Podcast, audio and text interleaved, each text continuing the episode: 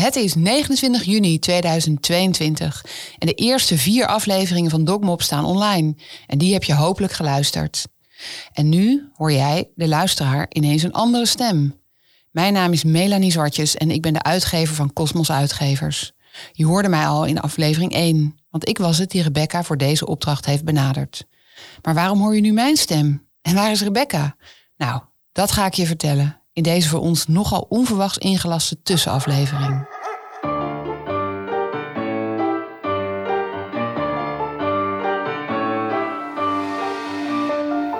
Dit is Dogmob, een verhaal over dierenliefde die de verkeerde kant op gaat.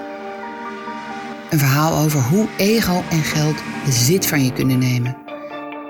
En een verhaal vol goede bedoelingen Dit is aflevering 4b, de gebeten hond. In de afgelopen weken, sinds de eerste afleveringen van Dogmop online gingen, is onze host Rebecca opeens zelf een deel van dit verhaal geworden. Zij heeft hierdoor besloten zich terug te trekken uit dit project. Ook de productiemaatschappij Podworks, voor wie zij werkt, trekt zich terug. Wij, en daarmee bedoel ik Cosmos uitgevers, VBK Audiolab en Podimo steunen Rebecca en Podworks volledig en respecteren deze beslissing. Podworks en Rebecca zijn immers met de rug tegen de muur gezet. Maar wij zijn wel van plan om het verhaal af te maken. Een verhaal dat ineens een onverwachte wending neemt. Want opeens gaat het niet meer over Dogmop. Maar nu raken we de persvrijheid en hoe die beknot dreigt te worden door notabene de pers zelf. Laten we eerst even luisteren naar Rebecca, die met jou deelt hoe haar beslissing tot stand is gekomen. Ze maakte een statement die we in deze aflevering volledig gebruiken. We laten dus niets weg. We zullen haar af en toe onderbreken om nog wat te vertellen of te verduidelijken. Ik hoor van mensen om me heen dat ze graag willen weten hoe het verder gaat. Dat Dogmop spannend is en vermakelijk, maar dat ze nu ook graag antwoorden willen. Snap ik.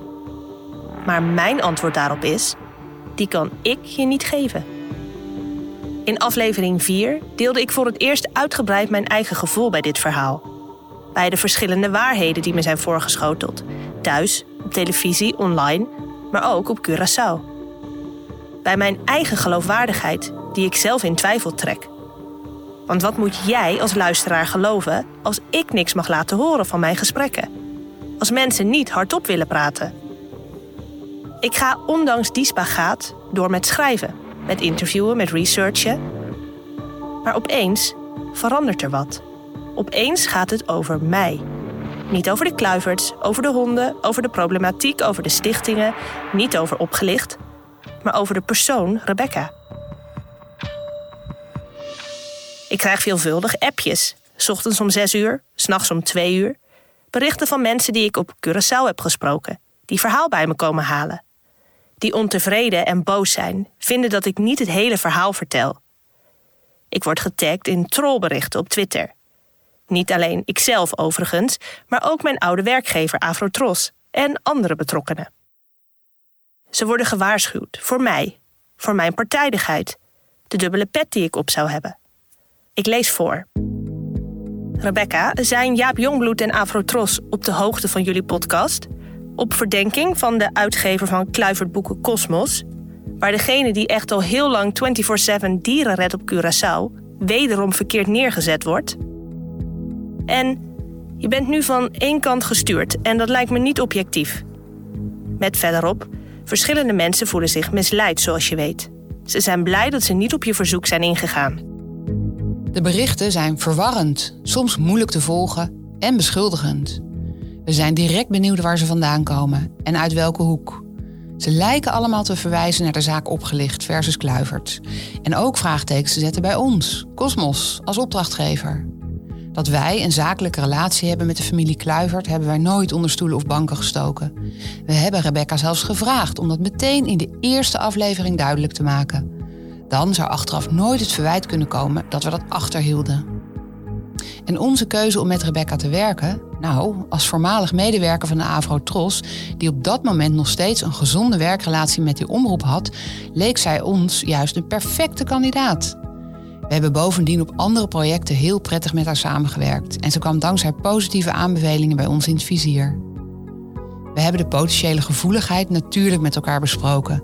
Maar aan alle kanten waren wij ervan overtuigd dat de oude en bestaande Avro-Tros-relatie geen probleem zou opleveren.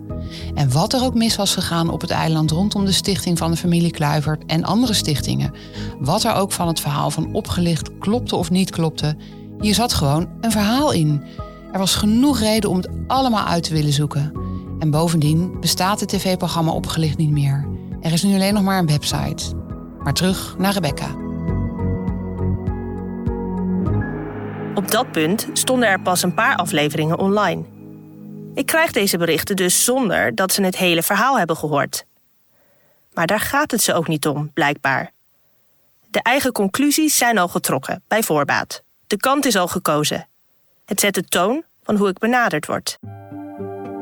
Ik sprak Rebecca over de berichten. En hoewel ze zich ongemakkelijk en ook onheus bejegend voelde, was wat Dogmo betreft haar houding: the show must go on. Maar het werd allemaal erger. Het bleef namelijk niet bij Twitterberichten. Luister maar.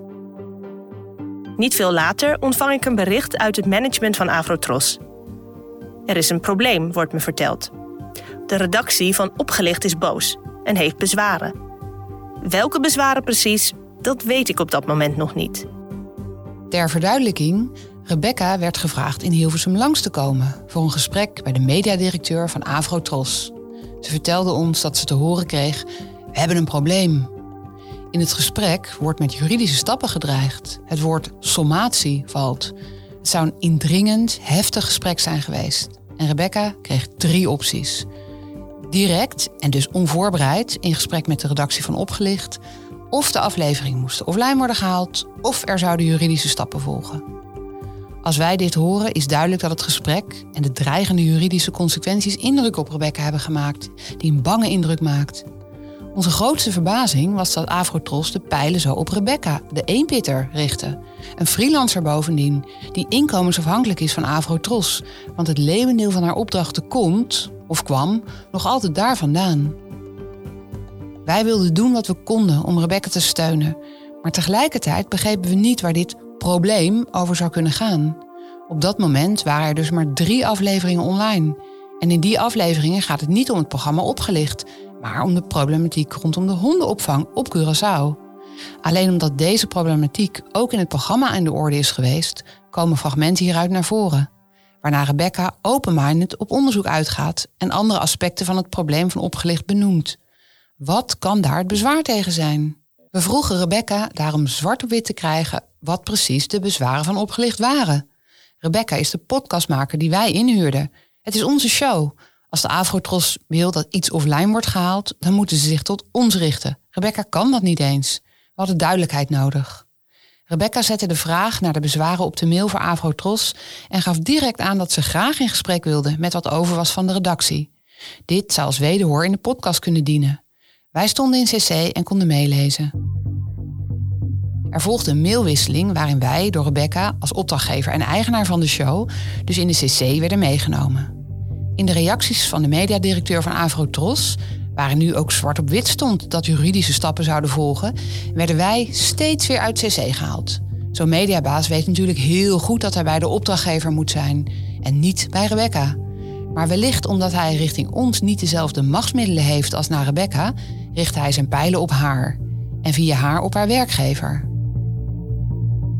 Wat ons verbaasde was dat in de mails Rebecca nog steeds niet te horen kreeg wat het bezwaar dan precies was. In plaats daarvan werd ze persoonlijk aangevallen. Zoals Rebecca het zelf zegt: Ik wil heel graag praten. Maar voordat er een gesprek plaatsvindt, is de onrust al losgebarsten. Er gaan juridische mails heen en weer. Ik word persoonlijk terechtgewezen. Er hangen maatregelen boven mijn hoofd. Ook hier is de toon snel gezet. Bij ons begon ook de verontwaardiging te groeien. Want nog steeds wisten we niet wat het bezwaar was. En vonden en vinden wij dat op een nare manier met Rebecca wordt omgegaan. We merkten aan Rebecca dat zij zich vervelender begon te voelen en onzekerder werd over hoe ze het verhaal moest vertellen. Op dat moment was ze nog druk bezig de show af te maken. De laatste afleveringen waren nog niet gemaakt, de laatste interviews nog niet afgenomen. De vrolijke Rebecca, die met plezier aan het Dokmop-verhaal werkte, kwam op ons wat bang over, nog voorzichtiger dan ze al was. Wij vinden dat Rebecca met Dogmop een prachtige show maakt, of maakte. En wij zijn ervan overtuigd dat ze geen juridische misstap heeft begaan. Ze handelde niet alleen naar eer en geweten, maar ook volgens journalistieke richtlijnen. Ze is uitermate genuanceerd in haar vertelling, wijst nergens met een vinger en trekt al helemaal geen conclusies. Ze stelt wel vragen en gaat daadwerkelijk op zoek naar de antwoorden. Toen aflevering 4 online moest, ging ze er met een stofkam doorheen. Ze was nog voorzichtiger dan anders. Wat ons betreft haalde ze zelfs wat spanning uit het verhaal. Het had een veel uitgesprokener aflevering kunnen zijn. Er is hier en daar wat weggelaten, wat we in eerdere versies wel hadden gehoord. Self-censorship, zeg maar, uit angst voor repercussies. De dreigingen van Avrotros hadden al effect. Maar wij begrepen dat Rebecca even af wilde wachten of er nog een reactie van opgelicht zou komen en dat ze daar meer duidelijkheid over wilde. Er was hoop op een gesprek met de redactie. Of wat daar nog van over is, want zoals ik zei, het bestaat niet meer. Rebecca zou dan in de laatste afleveringen van Dogmop de bezwaren een plek kunnen geven in het kader van de hoor en wederhoor. Voor de volledigheid hebben we in de tussentijd de andere afleveringen nog een keer grondig bekeken en aangepast waar nodig.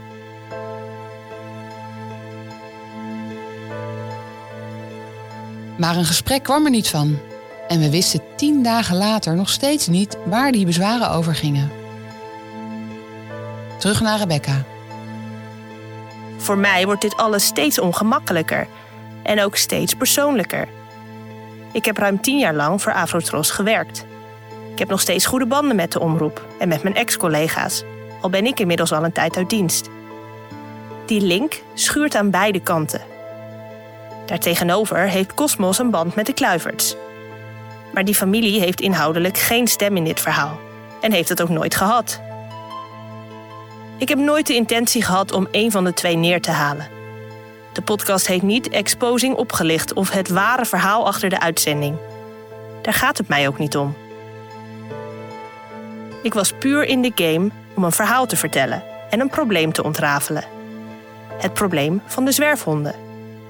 Dat van de bijbehorende stichtingen die hulp in de weg zitten. Een verhaal vertellen, dat is mijn vak als podcastmaker. Maar zo wordt dat niet gezien ik begin te voelen wat Rosanna gevoeld moet hebben toen zij midden in de mediastorm zat. Mensen proberen mijn mond dood te maken.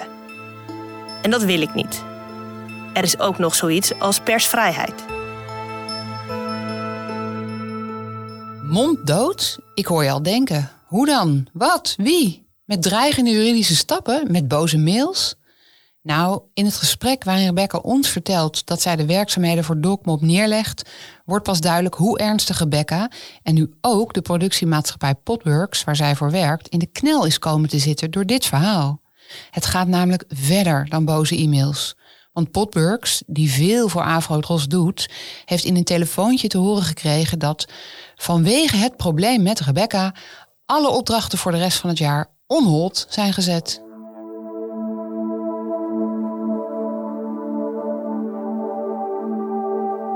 Was dit de druppel? Wilde Rebecca sowieso stoppen? Wat uiteindelijk precies de druppel is geweest, maakt ook niets uit. De intimidatie van de publieke omroep werkte. Aflevering 5 werd niet afgemaakt en ging op 23 juni niet online. Wat ons betreft is dit een schandalige manier van omgaan met een klein en onafhankelijk bedrijf dat afhankelijk is van een grote opdrachtgever, de publieke omroep Avrotros. Zeker in de journalistiek. Wij zijn ronduit verontwaardigd dat de publieke omroep zo handelt. En wij zijn daarom ook vastberaden om het verhaal alsnog af te maken. Want als Avro Tros een punt zou hebben, waarom hebben ze hun bezwaren dan niet met Rebecca en met ons, de opdrachtgever, gedeeld? Naar onderbouwde kritiek zouden we zeker luisteren. Maar in plaats daarvan werd Rebecca afgeblaft en werd er meteen in mails gedreigd met juridische stappen en met het wegnemen van de bestaanszekerheid van Rebecca en haar opdrachtgever. Dat voelt voor ons als machtsmisbruik. Dit gaat wat ons betreft nu niet alleen meer over het dogmop-verhaal. We moeten het nu afmaken om het voor Rebecca en Potburgs op te nemen. Hun verhaal werd een deel van dit verhaal. En dit is een verhaal dat aandacht verdient. En ondertussen vragen wij ons steeds vaker af: waarom is dit voor de Avrotros zo belangrijk? En waarom gaan zij zo hard in tegen een verhaal waarin zij nauwelijks een rol in spelen? En hoe rechtvaardigen zij deze dreigende acties, terwijl de redactie van Opgelicht toch zelf vaak op het scherpst van de snede heeft gewerkt? En ook het tendentieus neerzetten van een verhaal niet uit de weg ging. Alleen al de titel Opgelicht geeft immers bij voorbaat een fraudeleus trekje aan elk onderwerp dat wordt behandeld. Wat Rebecca betreft was het verhaal ook zeker nog niet af. Aflevering 4 sluit ze af met de uitspraak van de zaak Kluivert versus Opgelicht, die in het voordeel van Opgelicht was. Maar het verhaal gaat verder en dat had ze in aflevering 5 op willen pakken. Dit zegt ze daarover. Wat deze podcast nodig heeft, is volledigheid. Dat de bewuste uitzending van Opgelicht juridisch door de beugel kon, dat staat vast. De uitspraak is gedaan, daar kan ik niks meer aan veranderen. Dat klopt. Juridisch gezien kon de uitzending. Persvrijheid is in Nederland gelukkig nog altijd een groot goed. Maar wat Afrotros niet lijkt te willen, is dat die regels ook gelden als iemand eigen onderzoek doet en andere kanten van het verhaal belicht. En zeg nou zelf, wie de vorige afleveringen heeft beluisterd, snapt zelf ook wel dat wat er dan ook over opgelicht wordt geroepen niet vreemd is. Wat overblijft zijn vragen als: wat is er niet verteld van wat er op het eiland gebeurt? Wat zijn de missende puzzelstukjes in het verhaal? Waar gaat het echt mis? En ja, daar hoort ook de vraag bij: wat is er waar van het gerucht dat opgelicht naar het eiland is gehaald? Terechte vragen, vind ik. Kritiek mag, vragen stellen mag. Maar blijkbaar niet zonder consequenties. Voor Rebecca waren de consequenties groot. Ze ziet zich genoodzaakt het werk voor Dogma neer te leggen. Bij Potburgs werken ook anderen. We begrijpen dat zij zich niet meer comfortabel voelt bij het afmaken van de opdracht. De consequenties raken namelijk nog meer mensen dan alleen zij. En dat wil je natuurlijk niet op je geweten hebben. Dit raakt hele gezinnen. Ik stapte deze podcast vastberaden en open-minded in. Zonder dat ik precies wist waar het over zou gaan of hoe het zou lopen. Als verhalenmaker ga ik avonturen niet uit de weg. Naïef misschien, want het heeft me inmiddels in de positie gebracht dat, als ik zo door blijf gaan, ik mijn werk niet meer zeker ben. Of er een aflevering 5 komt, dat weet ik niet. Het verhaal is er, dat is zeker. Maar het is ook tijd het narratief weer terug te duwen. Weg van mij. Want genoeg is genoeg. Mijn persoonlijke grens is bereikt. Aflevering 5 zal er komen, dat beloven we. Het verhaal is zelfs nog interessanter en belangrijker geworden, want het gaat nu over persvrijheid, dat bizar genoeg door de pers wordt belemmerd omdat het haar toevallig een keer niet uitkomt. In aflevering 5 delen we ook wat de bezwaren van opgelicht nu precies zijn. Want eindelijk hebben we die gekregen. In een mail van zeven pagina's kwam die op 23 juni aan het einde van de dag bij Rebecca binnen. En weer niet bij ons. Dus nadat Rebecca had besloten te stoppen en nadat ze de statement schreef die we in deze tussenaflevering gebruikten. In die zeven pagina's stellende mail die rechtstreeks van de juridische afdeling kwam, werd gesommeerd dat alle afleveringen offline moesten worden gehaald. De deadline was onduidelijk, maar werd in een vervolgmail gesteld op binnen 24 uur. Afgelopen zaterdag, 25 juni om 12 uur. Een onmogelijke deadline als je serieus wilt onderzoeken wat er verwijten zijn. Wij, Cosmos VBK Audiolab en Podimo, laten ons niet intimideren. De bezwaren van opgelicht delen we met je in aflevering 5. Aflevering 1 tot en met 4b blijven online. Houd Dogmop dus in de gaten, want we komen terug. De volledige onafgebroken statement van Rebecca kun je lezen in de show notes. Dogmop is een podcast gemaakt, voor een deel, door mij, Rebecca van der Weijden. In samenwerking met VBK Audiolab, Cosmos Uitgevers en Podimo. Geproduceerd, tot en met aflevering 4, door Podworks. Bedankt voor het luisteren.